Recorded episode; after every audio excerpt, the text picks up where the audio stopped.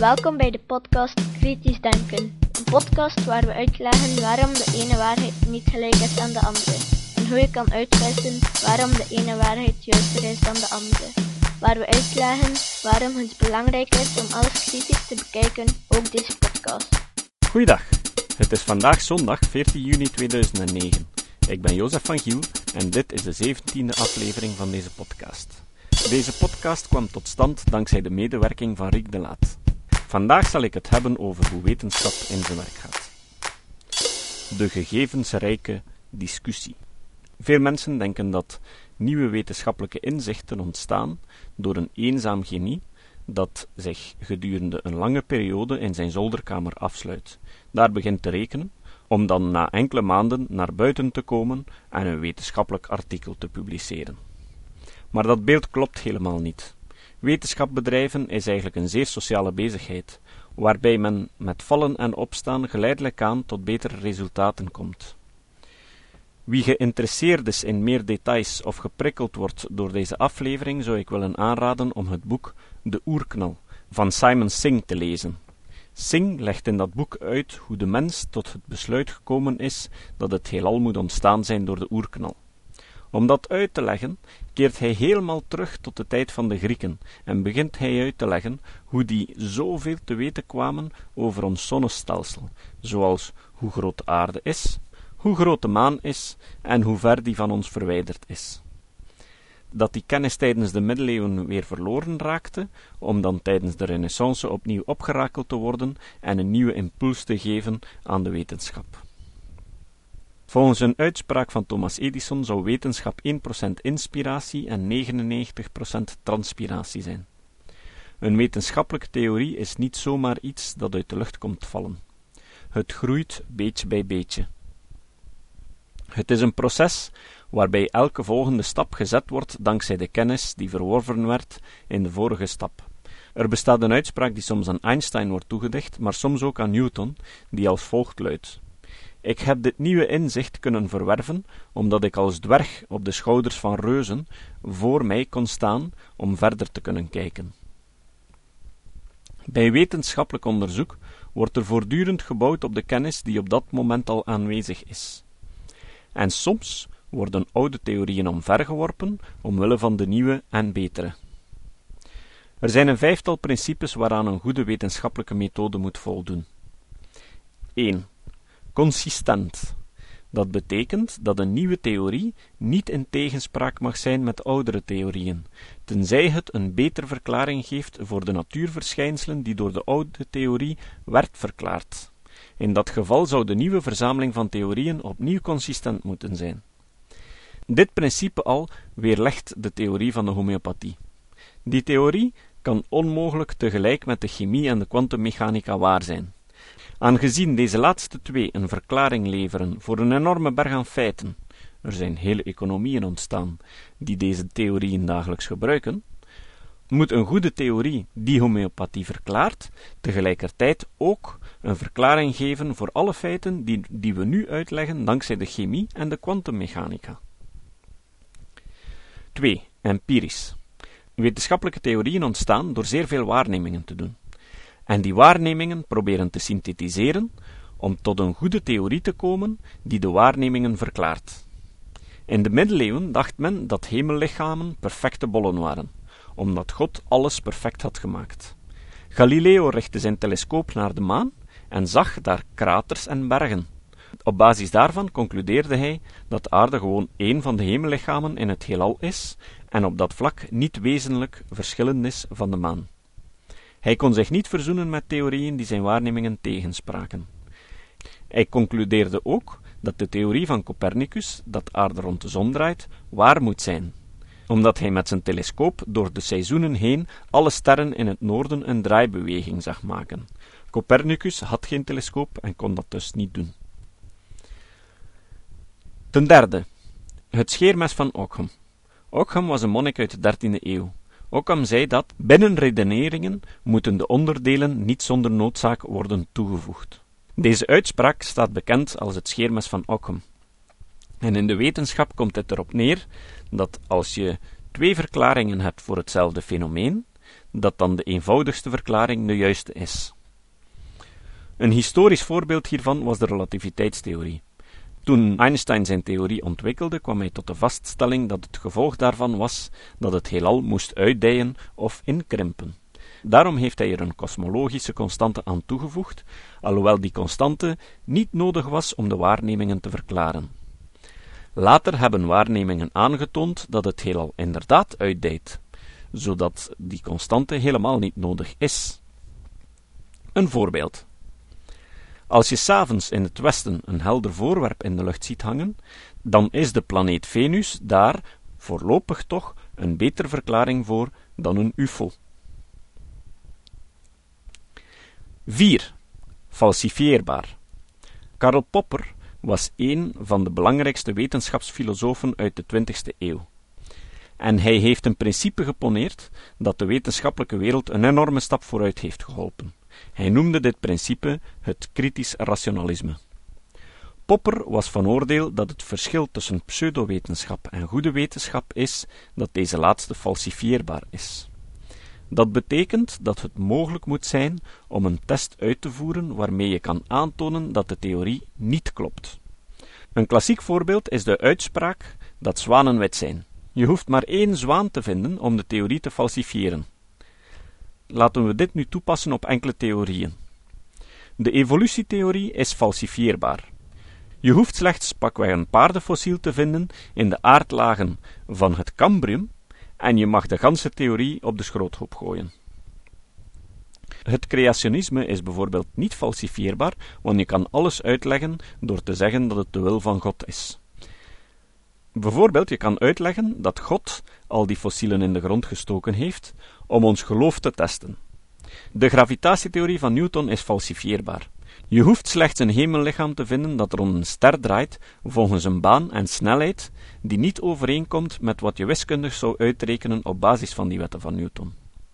Mercurius is zo'n hemellichaam, en het is de relativiteitstheorie die voor de verklaring gezorgd heeft. Maar tegelijkertijd verklaart de relativiteitstheorie ook nog altijd alle verschijnselen die ook door de Newtoniaanse theorie wordt verklaard. Met andere woorden, de relativiteitstheorie is een betere verklaring voor de natuur dan de Newtoniaanse theorie.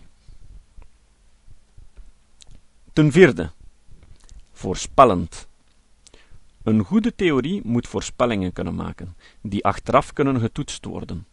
Eigenlijk is deze eigenschap een gevolg van Poppers falsifieerbaarheid, aangezien de voorspelling als falsifieerbaarheidstoets kan gebruikt worden. Als de voorspelling niet uitkomt, is de theorie vals. Een theorie die je in staat stelt om aan een tekentafel een vliegtuig te tekenen, dat dan te bouwen en dan vast te stellen dat dat vliegtuig inderdaad, zoals de theorie voorspelt, de lucht ingaat zonder neer te storten, moet wel een zeer stevige theorie zijn, waarbij je toch wel heel sterk in je schoenen zal moeten staan om deze in twijfel te trekken. Mensen die geloven in perpetuum mobilis doen dat dus. De evolutietheorie vereist dat er overgangssoorten moeten bestaan hebben tussen vissen en landdieren. Door grondig onderzoek van de ontdekte fossielen konden archeologen vaststellen dat er in bepaalde rotsformaties, die in die specifieke periode gevormd werden, een soort moet zitten die precies net tussen de vissen en de landdieren inzit. Ze gingen naar een plaats in Canada waar die rotsen voorkomen en vonden daar inderdaad de fossielen van de Tiktaalik. De relativiteitstheorie voorspelt dat zware lichamen, zoals de zon, het licht buigen. Kort na de publicatie van de theorie hebben astronomen tijdens een zonsverduistering nauwkeurige metingen gedaan van de buiging van het licht van een ster door de massa van de zon. En inderdaad, de waarnemingen kwamen perfect overeen met wat de relativiteitstheorie voorspelde. 5. Herhaalbaarheid. Een goede wetenschappelijke test of waarneming moet herhaalbaar zijn. Dat betekent dat iemand anders, die de nodige basiskennis heeft en alle nodige instructies krijgt, de test moet kunnen herhalen. De, de proeven van Benveniste, die ik tijdens de aflevering over homeopathie besprak, waren bijvoorbeeld niet herhaalbaar. Dit principe is zeer fundamenteel in het wetenschappelijk proces. En in een goed wetenschappelijk proces gaat men er juist van uit dat alle wetenschappers de metingen herhalen en op die manier de resultaten bevestigen of ontkennen. Wetenschappers die zichzelf respecteren, zullen dan ook geen resultaten aan de populaire pers meedelen als ze nog niet nagezien, in wetenschappelijke termen zegt men gereviewd, zijn door collega's. Niet herhaalbare resultaten worden niet aanvaard. Deze vijf principes hebben een hoop gevolgen, waarvan ik er nog twee wil vermelden. Het eerste is dat een goede theorie verklaringen moet geven over hoe de natuur werkt. Newtons theorie verklaart bijvoorbeeld waarom planeten in ellipsen rond de zon draaien, zodat de verbindingslijn van de planeet met de zon in dezelfde tijd hetzelfde oppervlakte bestrijkt, zoals door een van de wetten van Kepler beschreven. Dat houdt in dat de planeet of een komeet sneller gaat bewegen naarmate hij dichter bij de zon komt. De evolutietheorie verklaart waarom ziektekiemen op den duur resistent worden aan antibiotica en insecten aan pesticiden. Een ander gevolg is dat goede theorieën het scepticisme moeten doorstaan.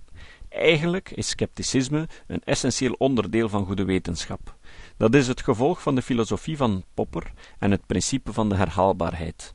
Men moet een theorie kost wat kost proberen te falsifiëren. Als die theorie de falsificatiepogingen doorstaat, komt ze steviger te staan. Als ze dat niet doet, dan moet ze afgevoerd worden.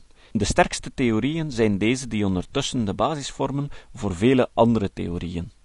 Ik identificeer er zo vijf: de theorieën van Newton over de bewegingen van massa, de theorieën van Maxwell over het elektromagnetisme, de relativiteitstheorie over zware lichamen en bewegingen aan hoge snelheid, de kwantummechanica over de deeltjesfysica en de evolutietheorie over het leven.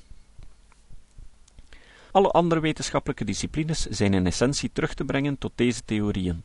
Er moet opgemerkt worden dat de relativiteitstheorie eigenlijk kan geïnterpreteerd worden als een unificatie van de wetten van Newton en van Maxwell. Zoals je ziet komt goede wetenschap neer op hard werken en massas gegevens verzamelen, analyseren, synthetiseren en postulaten proberen te formuleren, die je dan weer moet toetsen aan massas nieuwe gegevens. Ik begon mijn verhaal met Simon Singh. Zijn laatste boek ging over alternatieve geneeswijzen. Voor een uitspraak die hij tijdens een interview over dit boek deed, in verband met de praktijken van chiropractors, wordt hij nu door de Britse Vereniging der Chiropractors voor het gerecht gedaagd. Blijkbaar is juridische vervolging het belangrijkste wapen dat alternatieve genezers kunnen gebruiken om kritiek tegen hen de kop in te drukken. Zo is er ook een zekere Sikkens in Nederland geweest die de vereniging tegen de kwakzalverij voor de rechter daagde, evenals onlangs Dr. Gorter tegen Skep in België. In Engeland werd Ben Goldicker voor de rechter gedaagd en moest een hoofdstuk uit zijn boek Bad Science weglaten wegens een proces door Matthias Rad. Toen uiteindelijk Goldacre het proces won, heeft hij besloten om het hoofdstuk gratis op het internet ter beschikking te stellen. Op mijn website kan je een link vinden naar dat hoofdstuk uit het boek, en misschien krijg je wel goesting om het boek te kopen en volledig te lezen. Het is echt de moeite waard. De zaak tegen Simon Singh. De zaak tegen Simon Singh is des te problematischer geworden, omdat een rare kronkel in de Engelse wetgeving de bewijslast omdraait. Met andere woorden, de chiropractors die Singh voor het gerecht dagen, moeten niet bewijzen dat Singh lasterlijk was. Singh wordt als schuldig aanzien, zolang hij zijn onschuld niet heeft bewezen. Het gevolg is dat je altijd verliest aan zo'n zaak. Als je de zaak toch wint, ben je altijd heel veel geld kwijt aan de gerechtskosten. Zo'n wetgeving is eigenlijk een gevaar voor de vrije meningsuiting, omdat charlatans iedereen het zwijgen kunnen opleggen, door te dreigen met een rechtspraak. De situatie is nog erger, omdat je als buitenlander ook voor het gerecht kan gedaagd worden, als je bijvoorbeeld iets op het internet plaatst dat door een Engelsman kan gelezen worden en als lasterlijk interpreteert. Simon Singh heeft nu een handtekeningenpetitie opgestart om het Britse parlement te overtuigen om deze wet te veranderen. Op mijn website vind je de link naar deze petitie. Ik heb al getekend. En jij? Dat boek over kwakzalverij schreef Simon Singh samen met Edzard Ernst. Het citaat. Edzar Ernst is de enige professor in complementaire en alternatieve geneeswijzen ter wereld.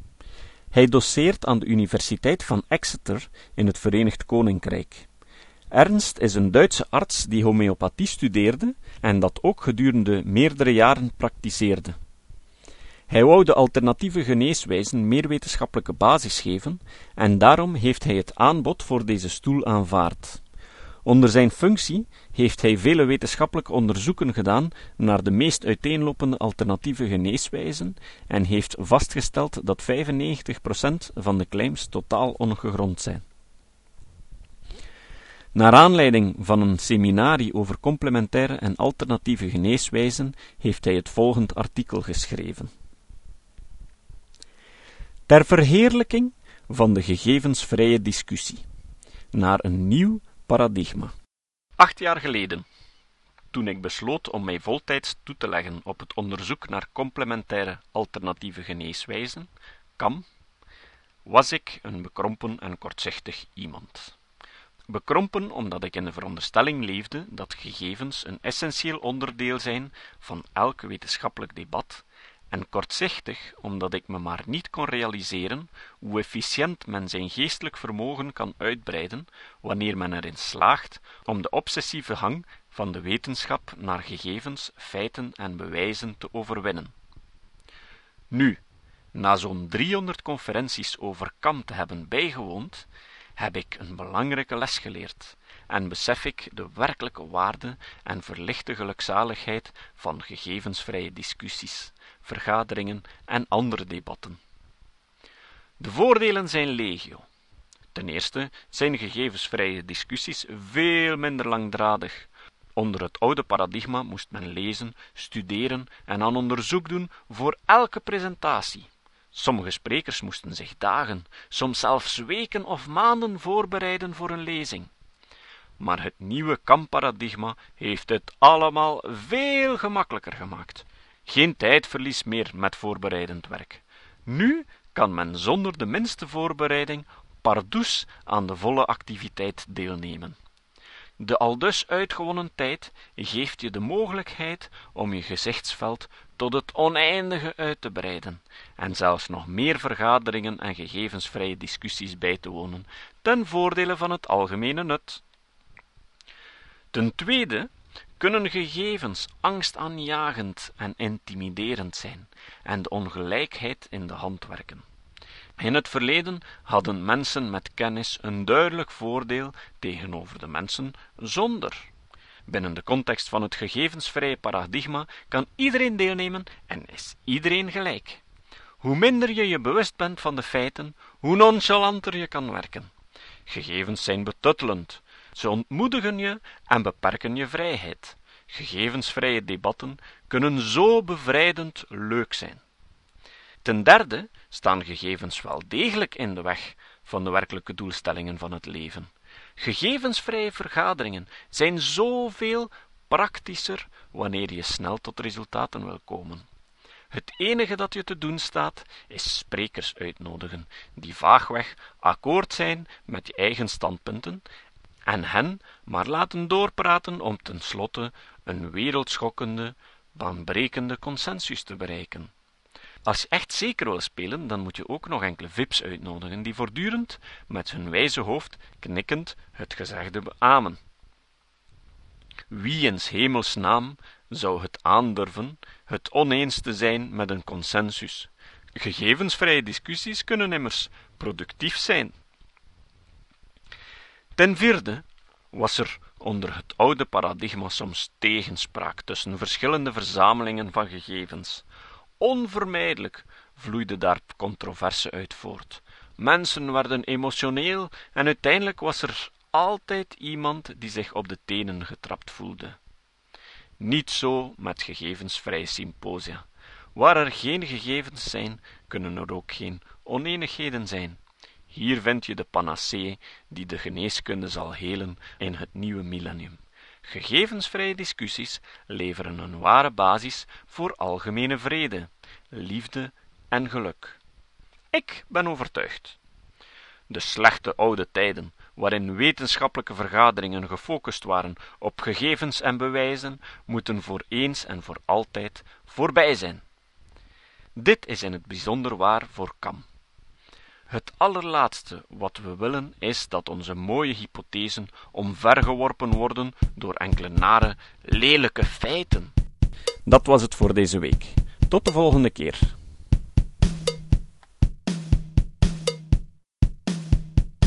Dit was de podcast Kritisch Denken. Vergeet niet om alles kritisch te behandelen, ook deze podcast. Voor verdere informatie over deze podcast, links en voor de tekst, surf naar www.kritischdenken.info. Als je deze podcast belangrijk vindt, dan kan je me steunen door andere mensen warm te maken ook eens te luisteren. Stuur een e-mail naar je vrienden met een link naar mijn website of plaats de link in de handtekening van je e-mails. Je kan me ook steunen door op iTunes deze podcast een goede beoordeling te geven of een recensie te schrijven. Of je kan op je eigen website of blog een link naar mijn website plaatsen. Hoe meer links, hoe sneller je gevonden wordt op Google. Dat kan beloond worden door een link naar jouw website bij mij.